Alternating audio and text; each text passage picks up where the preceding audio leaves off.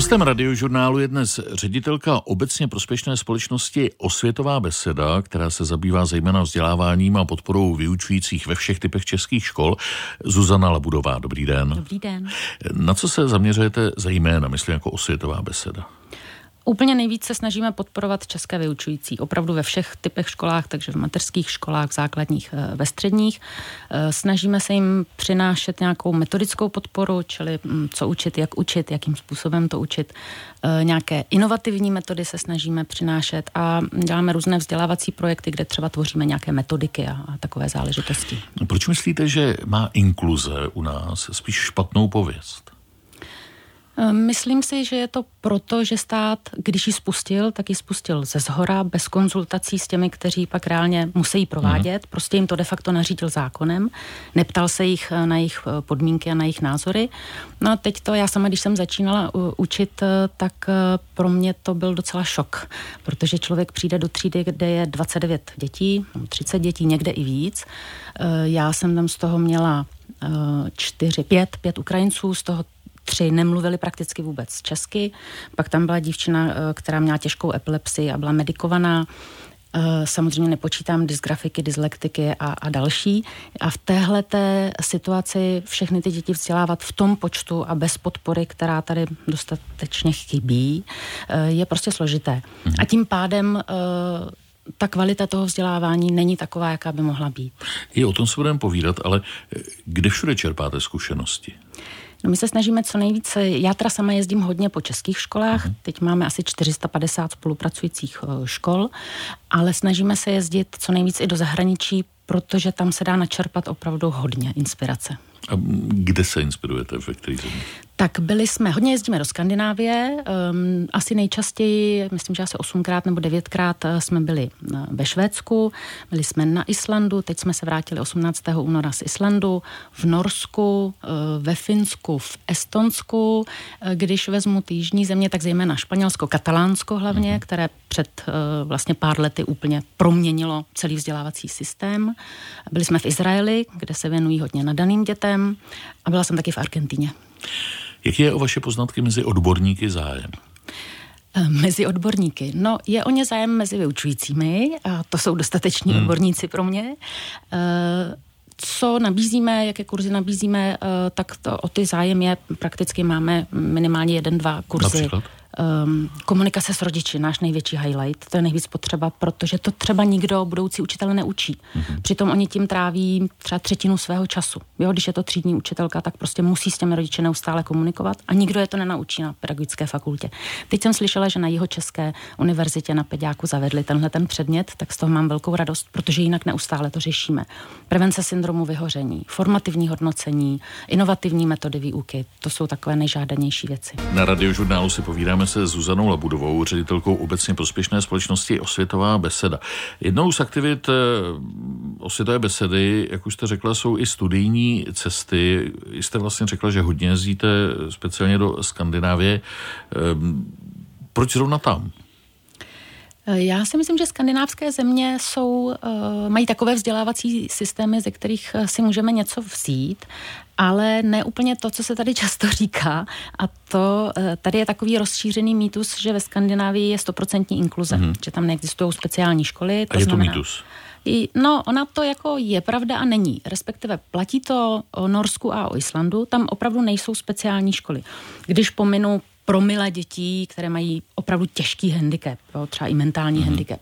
Tak jinak skutečně tam jsou jenom běžné školy. Ale když uh, přijdu do té školy a provází nás paní ředitelka, tak je to běžná třída, speciální třída, běžná třída, speciální třída. Uh, my jsme byli v Norsku v Kristiansandu, tam přesně takhle to uh, fungovalo v té škole, čili ona je to běžná škola, ale jsou tam třídy, kde jsou tedy běžné děti a pak jsou třídy speciální, kde je výrazně méně dětí, samozřejmě výrazně víc dospělých, často je to i jeden na jednoho. Hmm. No a ty děti jsou takhle promísené a mísí se vlastně v momentě, kdy to jde a kdy to všem prospívá. Takže sportovní dny, projektové dny, oslavy různých svátků. Ale jinak se vlastně respektuje to, že dítě s nějakým handicapem prostě potřebuje speciální vzdělávací metody a individuální péči. Čili na první pohled to vypadá, že tam je stoprocentní inkluze, ale um, ty děti prostě jsou vlastně segregované v hmm. nějaké uh, třídě. Ve Švédsku... To je to dobré slova smyslu samozřejmě. Tak, ve Švédsku to udělali trošičku jinak. Uh, tam je silný sektor speciálního vzdělávání, jsou tam speciální školy, normálně prostě jdeme do školy a na ní je cedule speciální škola ale většinou je buď pod jednou střechou nebo ve stejném areálu s běžnou školou a zase tam funguje třeba v Katrineholmu, kam jezdíme, kde máme úžasnou spolupracovnici, českou učitelku Jarmilu Kocourkovou, která tam žije už přes 20 let a narodila se jí tam dcera, takže vlastně jako imigrantka prošla tím vzdělávacím systémem. Uh, tak tam jezdíme uh, do škol, kde Eh, to funguje tak, že ty děti prostě fungují spolu vždycky, když to jde a když eh, je potřeba, aby mm, dostali nějakou zvláštní péči, tak jsou prostě eh, oddělené.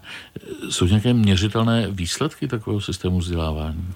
No, to se můžeme bavit třeba o PISA testech, což, jsou, eh, což je systém hodnocení, je to vlastně eh, program pro mezinárodní hodnocení žáků. Eh, teď už jsem koukala v posledním roce, když vyšla poslední zpráva, že se zapojilo 85 zemí z celého světa a tam se hodnotí na reprezentativním vzorku 15-letých dětí, čili devátá třída u nás, matematická, přírodovědná a čtenářská gramotnost. A jsou to prostě nějaké úkoly, které ty děti plní a zjišťuje se ne znalosti, ale jakým způsobem ty úkoly řeší, eh, jak čtou text, eh, jestli mu rozumějí a dokážou z něj vytáhnout to důležité.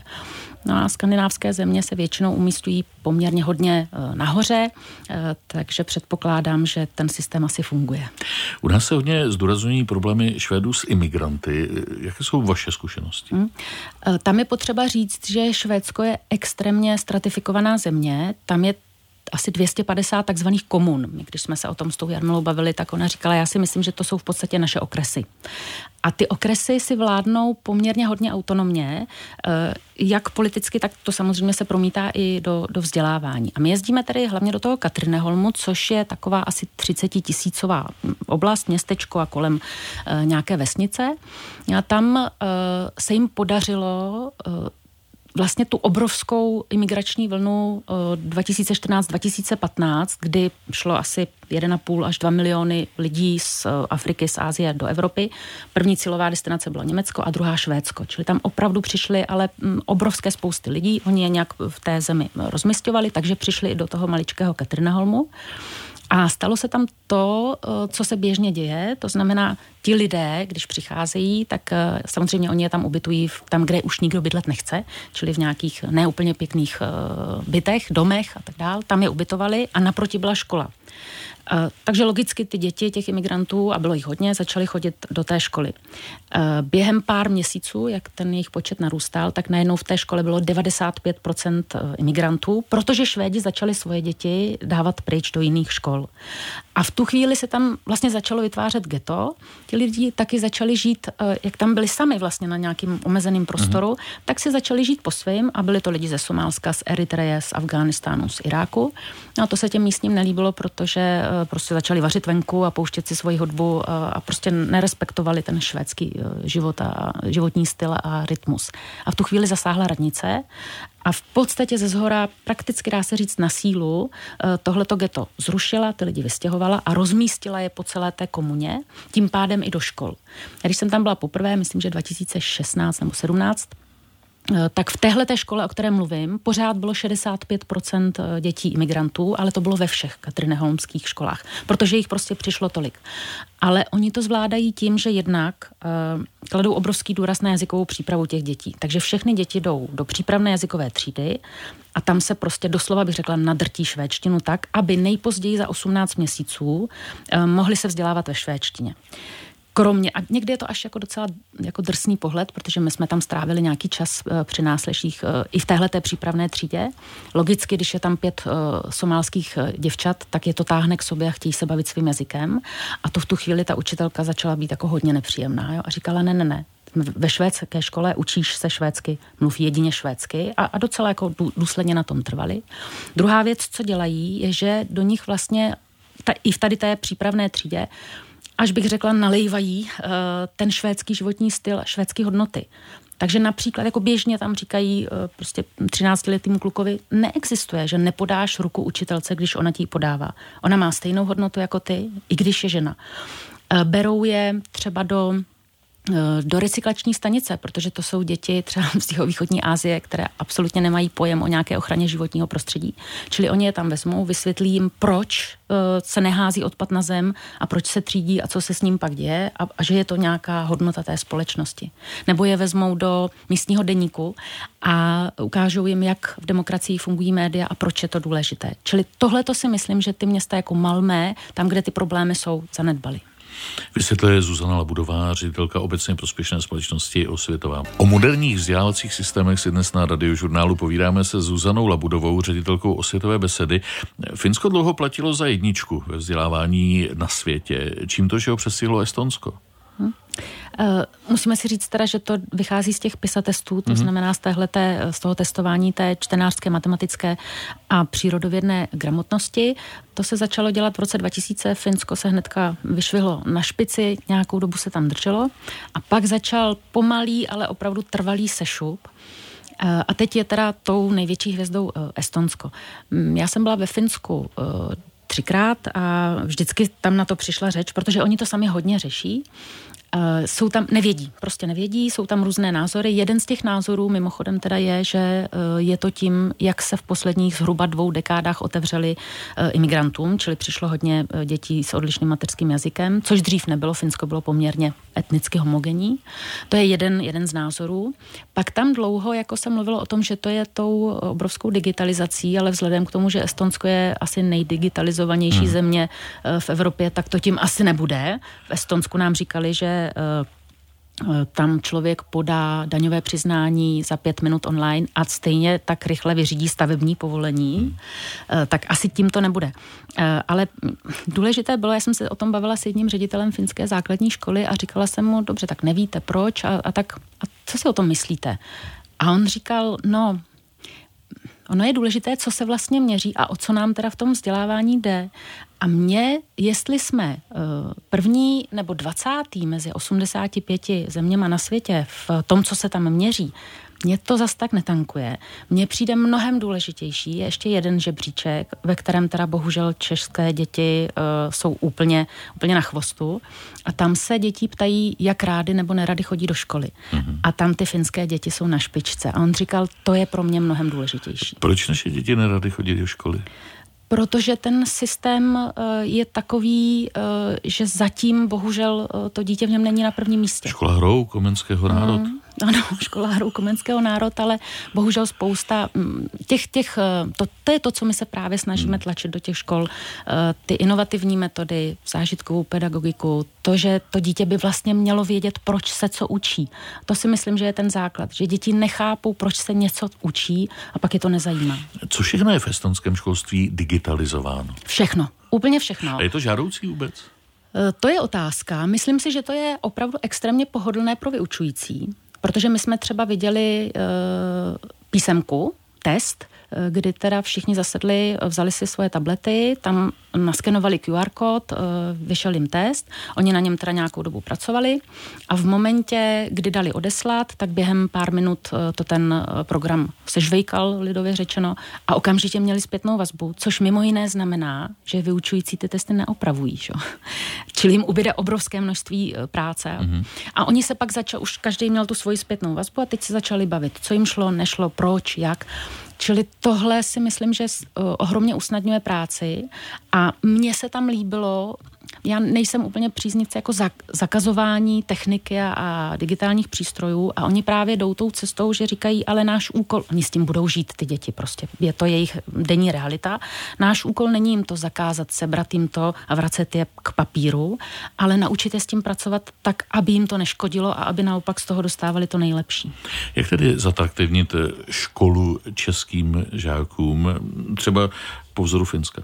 Já si myslím, že je opravdu stěžení, aby ty děti věděli a chápali, proč se něco učí. Jo, proč prostě tohle to se mám teďka naučit. Čili začala bych vždycky tím, a já jsem, eh, já to dělám, když učím, že se snažím eh, vysvětlovat, tohle je eh, takové a takové téma, budeme ho dělat tak a tak a bude vám to k tomuhle a k tomuhle, to si z toho vemte. A na konci se jich ptám, jestli se to skutečně stalo, abych věděla, jestli jsem ten cíl splnila. Hostem radiožurnálu je dnes Zuzana Labudová, ředitelka osvětové besedy. Vaše obecně prospěšná společnost se snaží prosazovat moderní řešení směřující k férovému, rovnému a přitom individuálnímu přístupu v oblasti rovných příležitostí. Můžete to vysvětlit, v čem to spočívá konkrétně? Mm-hmm. No, je to právě, ono to možná na, na první dobrou vypadá trošku jako protimluv, rovné a individuální, ale tady se u nás hodně často zaměňuje rovný a stejný přístup.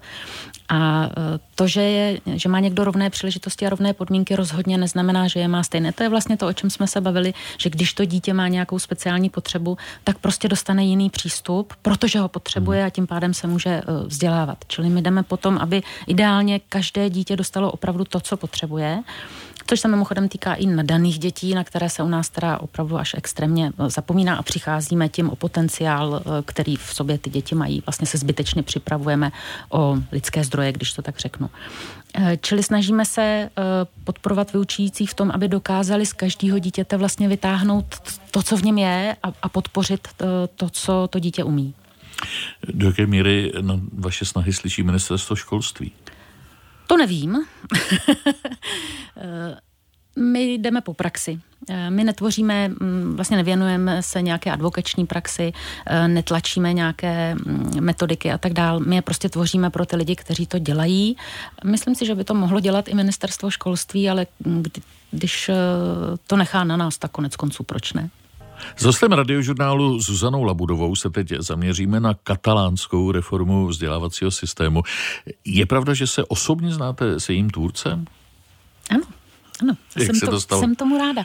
Eh, já jsem, teď, teď jsem tam byla neděle, pondělí, úterý a, eh, a loni touto dobou jsem byla v Litomyšli na úžasném vzdělávacím festivalu, který se jmenuje příznačně Nakopněte svoji školu. Mm-hmm. A před rokem jedním z hostů uh, měl tam přednášku a pak tam měl workshop, kde vlastně ukazoval, jakým způsobem proměnil se svým týmem uh, katalánské školství. Uh, tam měl tenhle ten člověk, který se jmenuje Eduard Vajory, on vlastně původně není, není to primárně pedagog, je to sociolog a je to manažer změny.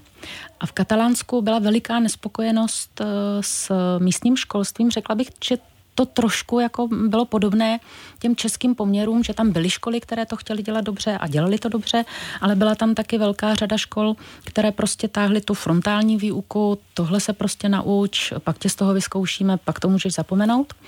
A tak vznikl projekt, který se jmenuje Nová škola a který právě táhl Eduard. A v čem je pro vás ten příběh fascinující? Hm. Eduard eh, vyprávěl eh, v té přednášce, jak když dostal tohle zadání, tak si řekl jasně jako manažer změny, takže věděl, jaký je ten proces. Takže udělám nějakou analýzu, co je teda dobře, co je špatně a pak navrhnu nějaké postupné kroky eh, ke změně, zjistím, kde to dělají dobře, z čeho se dá čerpat. A jako první, pro mě naprosto logicky, ale vlastně nás tam tím těch asi 15 lidí, co bylo na tom jeho workshopu, docela odboural, říkal, jako první jsem šel na pedagogickou fakultu v Barceloně a říkal jsem těm lidem, kteří rozhodují o tom, o přijímačkách, o tom, kdo bude přijat ke studiu učitelství, tak jsem jim říkal, jak vybíráte ty lidi. Protože to je základ, kdo to bude dělat. Nemůžete mít dobré školství, když nemáte dobré vyučující. A oni mu říkali, no tak máme tady nějaké standardizované testy, pak nějaké pohovory, že jo, eh, jednak se eh, zaměřujeme, co chce učit ten člověk, ten obor, jestli už má nějaké znalosti, pak nějaké kompetence k, k vyučování a tak dál. A on říkal, aha, a ptáte se těch lidí, jestli mají rádi děti? A samozřejmě se dozvěděl, že ne. A to je opravdu základ toho. Jo. Když to dělají lidi, hmm. kteří eh, k těm dětem nemají vztah, tak to samozřejmě nemůže být dobrý. No a on potom vzal, eh, jezdil po celém Katalánsku a vybral 30 referenčních škol různých typů, kde to podle něj dělali dobře, kde ty děti byly spokojené, měly dobré výsledky, eh, ta škola prostě žila. No a nabídl, z toho vytáhl eh, nějaký proces přeměny a nabídli teda původně chtěli pár škol, ale přihlásilo se 200, eh, protože evidentně i v těch školách byl zájem eh, to školství nějak posunout. A tak oni vlastně každé té škole připravili plán proměny a my jsme v těch školách byli, které se toho účastnili a já můžu opravdu říct, že jsme viděli děti, které se nadšeně učili, dělali právě mm, zážitkovou metodou, vybírali si, co, co se budou dneska učit třeba z různých témat a samozřejmě, že je to pak bavilo. Byli jsme ve škole, která byla až jako, to, to byla opravdu extrémně progresivní, takže žádné vyučovací předměty, komplet projektová výuka. Děti si vybírali, to byly 12 až 15 letí, vybírali si z 80 témat a za pomoci a, a průvodcování toho učitele s jeho podporou, s technikou, se vším, co mohli dostat, vlastně tvořili to téma a učili se ho sami. A dalo by se to obsat, eh, jinými slovy přenést eh, ten systém z Katalánska do Česka? Já jsem vždycky, eh, tím, že jsem těch zahraničních škol projela hodně a těch systémů viděla hodně, tak jsem jako velmi skeptická k tomu vzít co si a překlopit to sem, protože prostě máme jiné podmínky. Ale co se rozhodně dá, je právě ten přístup vyučujících. Jo. Tady v té škole, které jsem mluvila, byl zástupce ředitele, který třeba typické otázky českých učitelek, že říkají, no a tak vy netestujete, neskoušíte, nemají předměty, projekty, jenom tvoří projekt. Jak víte, co se teda učí a jestli se to naučili? A on říkal, ale to nemáme vědět my, to musí vědět to dítě, to je jeho učení. Jo, čili oni vlastně přenášejí celou zodpovědnost za, za to vzdělávání na to dítě. A to mi přijde jako princip, který by se rozhodně přenes dal. Když se teď obrátíme do Izraele, tam mají, už jste se o tom zmínila, úspěšný systém vyhledávání a podpory nadaných dětí. Skutečně se jim daří naplnit ambici, že jediné nadané dítě nesmí ujít pozornosti? Vypadá to, že ano. To jsem se takhle na jednom workshopu seznámila s šéfkou toho programu a hned jsem jí řekla, že potřebuji za ní s pár vyučujícíma přijet a, a taky se to stalo. Stalo se to v, loni v květnu, takže jsme to stihli ještě uh, před uh, tím, co se tam teď eh, děje. Oni mají, my jsme se bavili i s pánem, který je šéf toho programu na ministerstvu školství a on naprosto jednoznačně říkal, podívejte se, my jsme po tisíciletí pronásledovaný národ, neustále nás někdo napadá, neustále jsme v ohrožení. My nemůžeme přijít ani o jedno dítě, které má jakýkoliv talent. Čili oni vyvinuli opravdu velmi sofistikovaný systém. Každé dítě projde ve druhé třídě velikým testem nadání, eh, přičemž ale eh, je u toho jeho učitelka, která třeba ví, že já nevím, tam, tam se, když je to jeden test, tak se tam prostě může stát spousta věcí. To dítě se špatně vyspí, je to malé dítě, já nevím, rozvádějí se mu rodiče, cokoliv se prostě děje a ten talent vlastně uh, neukáže v tom testu. Čili ona, když má v úzovkách podezření, že by to dítě talentované jakkoliv mohlo být, eh, tak ho doporučí k novému testování. Pak se to děje znovu při přechodu na druhý stupeň a ještě při přechodu na střední školu. Tímhle způsobem oni vychytají 3 až 4% mimořádně talentovaných a asi 16% talentovaných. Čili pětina populace je zařazena buď do speciální třídy nebo do programu podpory nadání. U nás je to na základkách asi 5% se uvádí, eh, na středních školách asi 7% a v tom posledním šetření Eh, České školní inspekce vyšlo, že polovina škol, které mají jenom první stupeň takových těch malých, uvedla, že nemají žádné nadané dítě. My je ty děti prostě nevidíme. Bohužel. Jak se s nimi dál pracuje s těmi nadanými? A není to bráno alespoň částí společnosti jako elitářství? V Izraeli rozhodně ne.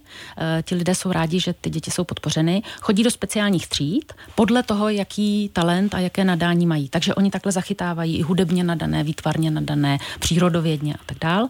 A tam e, v podstatě pracují podobně jako v té katalánské e, škole, čili jedou si svoje projekty, jdou, spolupracují třeba s univerzitami, spojují se s vědci z toho oboru, který je zajímá, čili pak už mají třeba i vědecké výstupy už, už na střední škole. Jsou tam centra centra odpolední pro děti, kde můžou rozvíjet svůj talent v různých uh, kroužcích, když to tak nazvu, ale za, odborné, za odborného vedení. Naším dnešním hostem je Zuzana Labudová. Posloucháte radiožurnál. Dnes je naším hostem ředitelka obecně prospěšné společnosti Osvětová beseda Zuzana Labudová. Tak trochu, ne trochu, ale cestujeme zkrátka za různými systémy školství po světě. Vy jste se teď vrátila z Islandu nedávno. Je to asi čerstvá zkušenost. Tam jste se zabývali kromě jiného podporou genderové rovnosti. Jsou tam nějak vepředu? Tam existují školy rovnosti? Eh, Island je na špici v genderové rovnosti, eh, čili mm, mm, v tom žebříčku, kdy se hodnotí eh, rovnost mezi muži a ženami v různých oblastech života, se pravidelně umístuje na prvním místě. Školy rovnosti. To je jedna škola rovnosti Aha. a je to takový, není to škola, je to v podstatě metodický orgán, který vytvořila Reykjavícká radnice, respektive jsou to dvě dámy, které Eh, připravují metodiky, eh, jakým způsobem vzdělávat děti eh, v otázkách genderu, v otázkách rovnosti, v otázkách genderové identity, v otázkách třeba volby, kariéry a, a tak dále. Čili hmm. to je podpora pro školy na Islandu. A tam už to začíná od mateřských škol, alespoň hyjali, doufám, že se, asi se to čte i jinak. Úplně ale... jinak, to neřekneme my dva. ale dobře, tak budeme se držet toho názvu. ono těch škol vlastně postupně vzniklo několik. V čem jsou specifické? Mm-hmm. Tohle je eh, škola, kterou uh, před asi 24 lety uh, vymyslela, navrhla jedna islandianka, která si všimla toho, že děti, holčičky, kluci chodí z toho rodinného prostředí do školky tak jako bych řekla malinko upraveni eh, ve smyslu nějakých, nějakého stereotypního chování. Zjistila, že ty kluci jsou prostě více prosazujou, eh, prosadějí si svou, jsou trošičku agresivní, když je to potřeba a holky jsou ty, které, které se dokážou vcítit a, a spíš jdou eh, po těch emocích. No, chce se říct, ale že to byly tradiční role. Ano, a ona právě, ten její koncept spočívá v tom, že tohle to se snaží trošičku vyrovnat, aby aby došlo k nějaké rovnováze. To znamená, aby i kluci dokázali se vcítit eh, do ostatních, byli empatičtí a holky naopak se dokázali prosadit. Mm. Přišla na Reykjavíckou radnici s tímhletím konceptem. Oni z toho teda nebyli vůbec nadšení, ale protože bylo strašně málo míst eh, ve školek na Islandu, většina rodin má tři až čtyři děti, eh, byť je jich tak málo, tak, tak jí dali zelenou a teď už je těch mateřských škol, je tuším 13, pět základních, no tak, tak nějak je na ně velký pořadník. Mm-hmm. My jsme tam byli, musím říct, že, že ten náš tým z toho byl trošičku rozpačitý, protože je to prostě nezvyk. Ty třídy jsou segregované, čili oni vlastně vzdělávají zvlášť kluky a zvlášť holky a pak je teprve na nějaké činnosti dávají eh, dohromady. Mají všichni stejné oblečení, protože nechtějí, aby vyjadřovali svoji osobnost nějakým oblečením, jakýmkoliv, eh, ale tím, jací a jaké jsou. Nemají tam tradiční hračky, autíčka, panenky a tak dál, mají v podstatě hm, hračky, které hm, jsou otevřené. Nikdo neví, co to je, protože ta dětská fantazie si z toho udělá, co potřebuje. No asi bych to schrnula, takže když jsme pak byli na střední škole a říkali jsme uh, tomu našemu průvodci, tomu učiteli, uh, že jsme v této školce byli a on říkal, no a co si o tom myslíte? A my jsme říkali, no my tak nějak nevíme. A on říkal, to my tady všichni tak nějak nevíme. A já jsem říkala, a kdyby teda uh, jste tam musel dát svoje děti? A on říkal, no jako sám od sebe bych je tam nedal, ale kdyby tam byli, tak by mi to nevadilo. Jaký efekt lze tedy přičíst dobře nastavenému vzdělávacímu systému, kde všude se to může projevit? No absolutně všude, absolutně všude. Eh, když je ten vzdělávací systém eh, dobře nastavený, tak prostě podpoří každé dítě eh, v rozvoji jeho potenciálu a ta společnost toho může jenom těžit. My, myslím si, že tím, že to naše vzdělávání není špatné, rozhodně není špatné, ale má nějaké mezery, eh, například v tom vyhledávání nadaných dětí, takže prostě se zbytečně připravujeme o potenciál. A ty hmm. děti eh, by mohly být šťastnější. My jsme vůbec nemluvili o roli rodičů, rodiny eh, v tom vzdělávání. Máte zase nějaký příklad ze světa, který bychom mohli vzít jako inspiraci? Vlastně ve všech těch vzdělávacích systémech, o kterých jsme mluvili, je veliká komunikace s rodinou. E, na druhou stranu ta škola vždycky chce znát to rodinné prostředí a snaží se vyrovnávat tam, kde to rodinné prostředí prostě je špatné. Tam, kde se rodiče o to dítě nezajímají, je jim jedno, co se děje ve škole, e, tak se to snaží nějakým způsobem kompenzovat a to si myslím, že je opravdu zásadní. Škola má tuhle tu vlastně mobilitní funkci, že dokáže to dítě z toho nepodnětného prostředí vytáhnout a říct mu, ty můžeš, když se budeš snažit, tak můžeš dokázat cokoliv. Hmm. V čem nám může být inspirativní třeba Argentina? To je vlastně mimo evropská země, no. kromě tedy Izraele, o kterém se taky mluvil. Uh, tak uh, musím říct, že jsem byla jenom v Buenos Aires, uh, a což ještě právě tam říkali, to jste jako ještě v té velice rozvinuté oblasti. Hmm. A uh, v čem nám může být inspirativní? Máme se skvělé, i české učitelky a učitelé se mají skvěle. My jsme byli v základní škole, kde eh, byly eh, dámy z prvního stupně a teď eh, byli jsme na takové jako mm, venkovní události, oni tam dělali nějaké aktivity a najednou jsem si všimla, že prostě těch dětí, které chodí za tou jednou učitelkou, která se se mnou bavila, je strašně moc že to nemůže být jedna třída.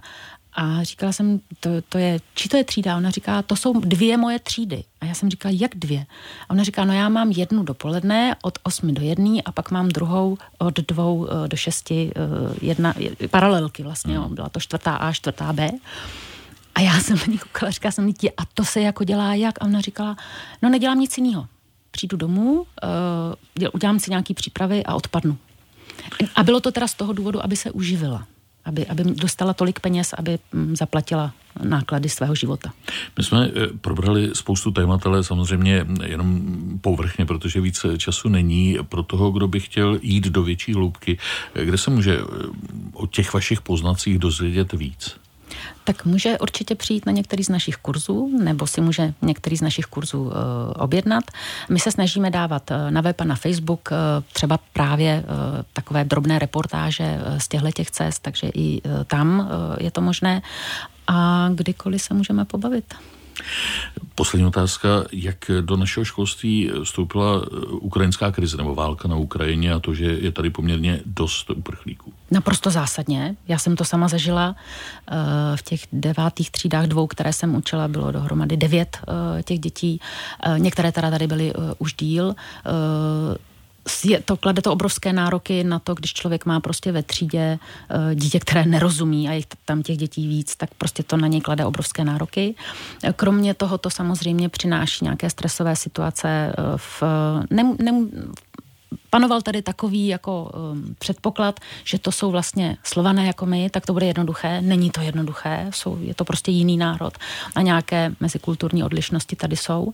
A myslím si, že i ta atmosféra, která je ve společnosti v poslední době, která uh, ukrajinským uprchlíkům není úplně nakloněná, že se na těch dětech uh, projevuje. A zase si myslím, že je úkol školy, aby to těm dětem pokud možno nějakým způsobem kompenzovala. Hostem radiožurnálu byla Zuzana Labudová, ředitelka obecně prospěšné společnosti Osvětová beseda. Děkuji, nashledanou. Já taky děkuji, nashledanou.